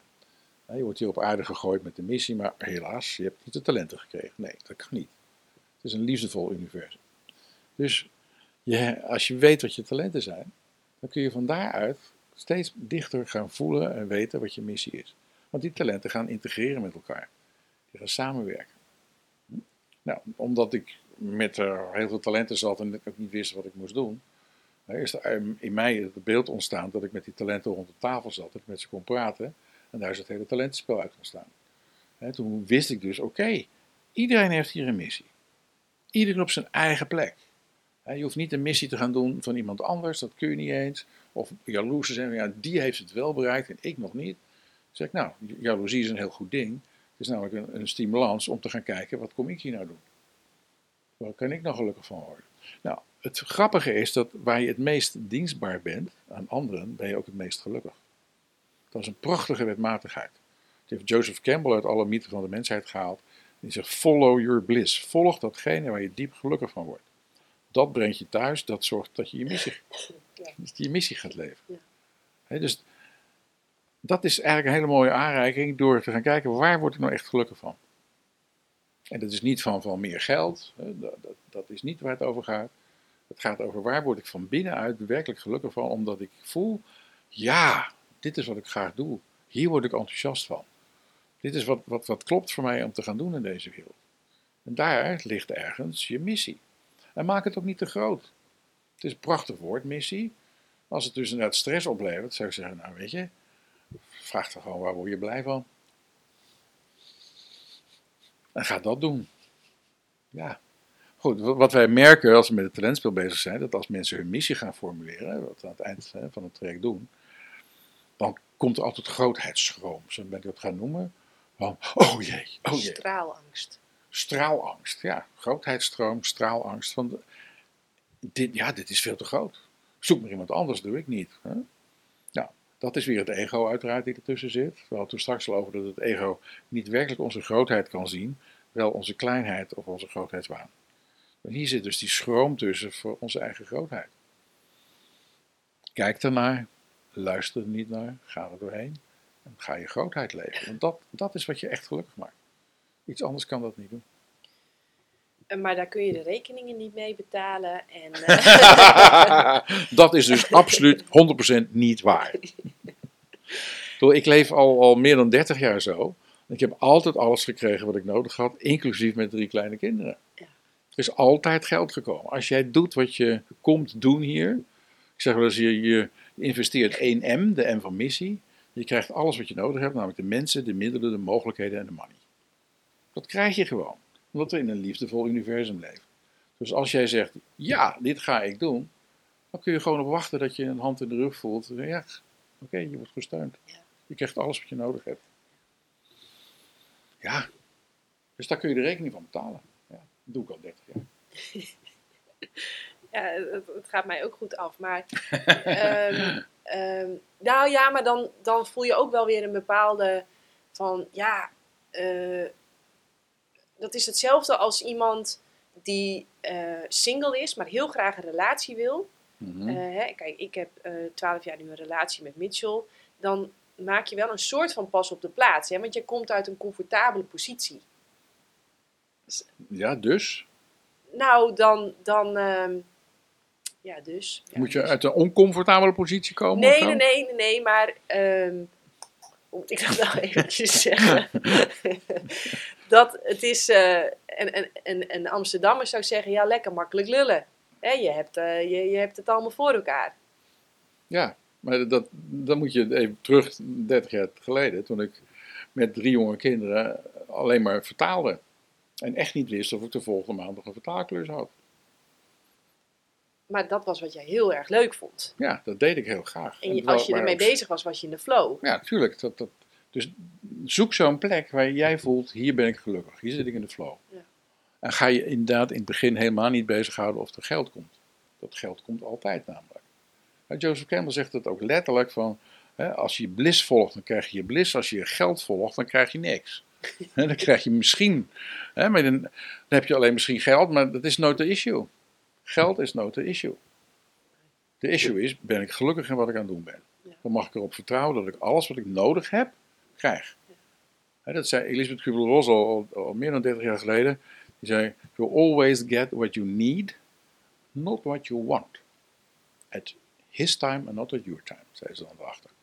Dus dan kun je ook gelijk al je plannen en je ongeduld opzij schuiven. Je krijgt altijd wat je nodig hebt, niet wat je, wat je begeert. Voor begeert, als, als iedereen zijn begeerte zou volgen, zouden we niet genoeg aan deze planeet hebben. Dan heb je tien planeten nodig. Maar als je kijkt wat heb je nodig, nou, ik kreeg altijd precies wat we nodig hadden om met drie kinderen te leven. Dat geldt, dat kwam altijd wel weer op een, een merkwaardige manier. Soms door een vertaling, soms dat Carla iets deed, soms dat mijn moeder op een gegeven moment zei, die had een pensioen en zei van, Willem, ik krijg dat ellendige geld niet op. ik zei, nou maar, we hebben toevallig deze maand komen we wat tekort. Nou, geen enkel probleem. Is, als je maar niet denkt van, oké, doordat ik dit werk, krijg ik hier dat geld. Nee, je doet hier je ding. En dat geld kan van die kant komen, van die kant komen, van die kant. Of je krijgt ineens eh, gewoon in natura dingen naar je toe. En je wil heel graag piano spelen en ineens zegt iemand tegen je, ja, ik heb een piano hier staan waar ik niet gebruik. Enzovoorts. Hè? Wees dus breed en kijk breed. En denk niet dat het dan hier moet gebeuren, omdat je hier aan het werk bent. Laatste. nou ja, ik, ik, eh, ja, laatste. Tenminste, gaan we proberen. Gaan we proberen. Deze vind ik nog leuk. Ehm, eh, eh, wij hebben een fantastische buurman, Jan de buurman. Jan de En- buurman. Ja, en eh, ja, ja, nou ja, weet je, heel veel mensen hebben ruzie met de buren. Nou, wij zitten iedere dag en we hebben zo'n leuke buurman. en, eh, Hij maar- luistert dit ook straks, hè? Dat hoort hij dus. Hè? Oh, dat weet ik niet. Dat denk ik niet. Maar maakt niet uit. Jan de buurman. En ehm, eh, als hij dan ziek is, dan ga ik altijd even naar hem toe. En dan zeg ik, nou Jan, wat kan ik voor je doen? Oh, dan zegt hij, oh lieve Janneke, wil je alsjeblieft voor mij een doosje sigaren halen? en, dan, en, dan, en dan denk ik, ah ja, grappig. Hij is ziek. Ja, je hebt zo je gedachten over die ik sigaren. heb sowieso weer gedachten over die sigaren. Ja. En ik heb daar toch ook het oordeel over. Ja, ik vraag me af of je daar beter van wordt. Want hij zegt het letterlijk tegen mij.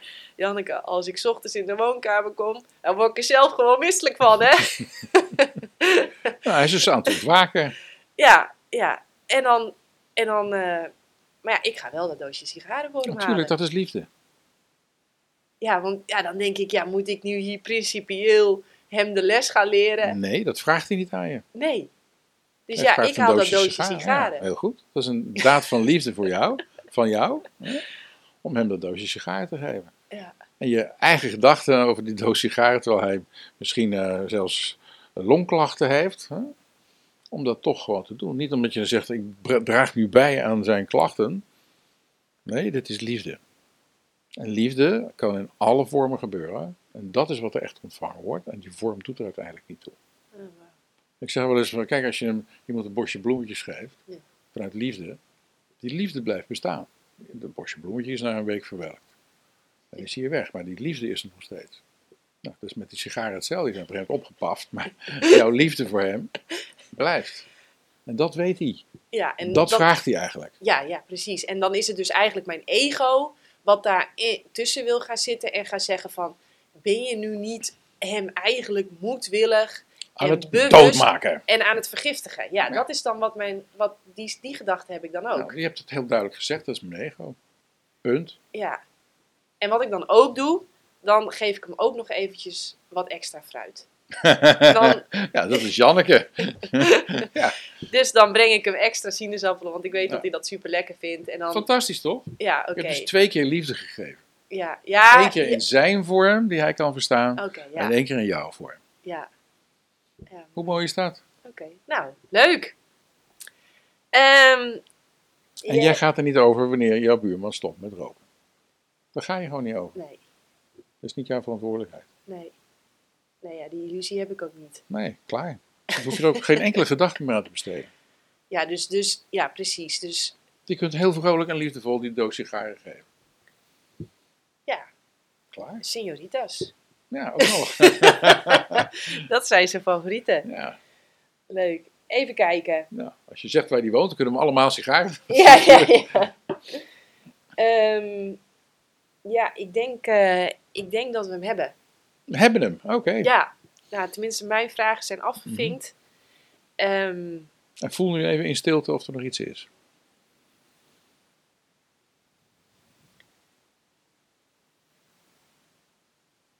nee, ja, ja. Ehm, waar kunnen mensen jouw eh, boeken vinden? Ehm, dat soort dingen. Dat soort dingen. Gewoon heel praktisch. Ik heb een website waar het allemaal op staat. Ik heb een Instagram-account waar het op staat. Ja. Er zijn YouTube-kanalen Ja. eh, waar allerlei filmpjes op staan. Dat, dat Chris en Redmar voor mij doen. Eh, Chris die doet ook eh, mijn, voornamelijk mijn Instagram. Dus daar worden alle dingen opgepost. Mijn boeken die kun je gewoon bij de plaatselijke boekhandel vinden. Op, op bol.com, overal. Ik zou zeggen, ga eerst naar de plaatselijke boekhandel. Ja, dat, ja, En je nieuwe boek, hè? mijn Echt nieuwe boek. net uit. is net uit, ja. Ja, leuk. Ja. En oh ja, ik word er dan naartoe getrokken. eh, Lekker klein, dun. Ja. Ik, wel- ik schuw ook niet dikke boeken, maar Nee. ja, dit is toch... Het blijkt, ik kwam er laatst achter dat we de universele behoefte hebben voltooiing. Dat het heel lekker is om ook echt aan iets te beginnen en dat Mhm. ook echt af te maken. Mhm. En ja, zo, als een, Een dik boek is lastiger af te maken dat dan is een dunnetje. tegenwoordig waar we non-stop worden verleid en afgeleid. Mhm.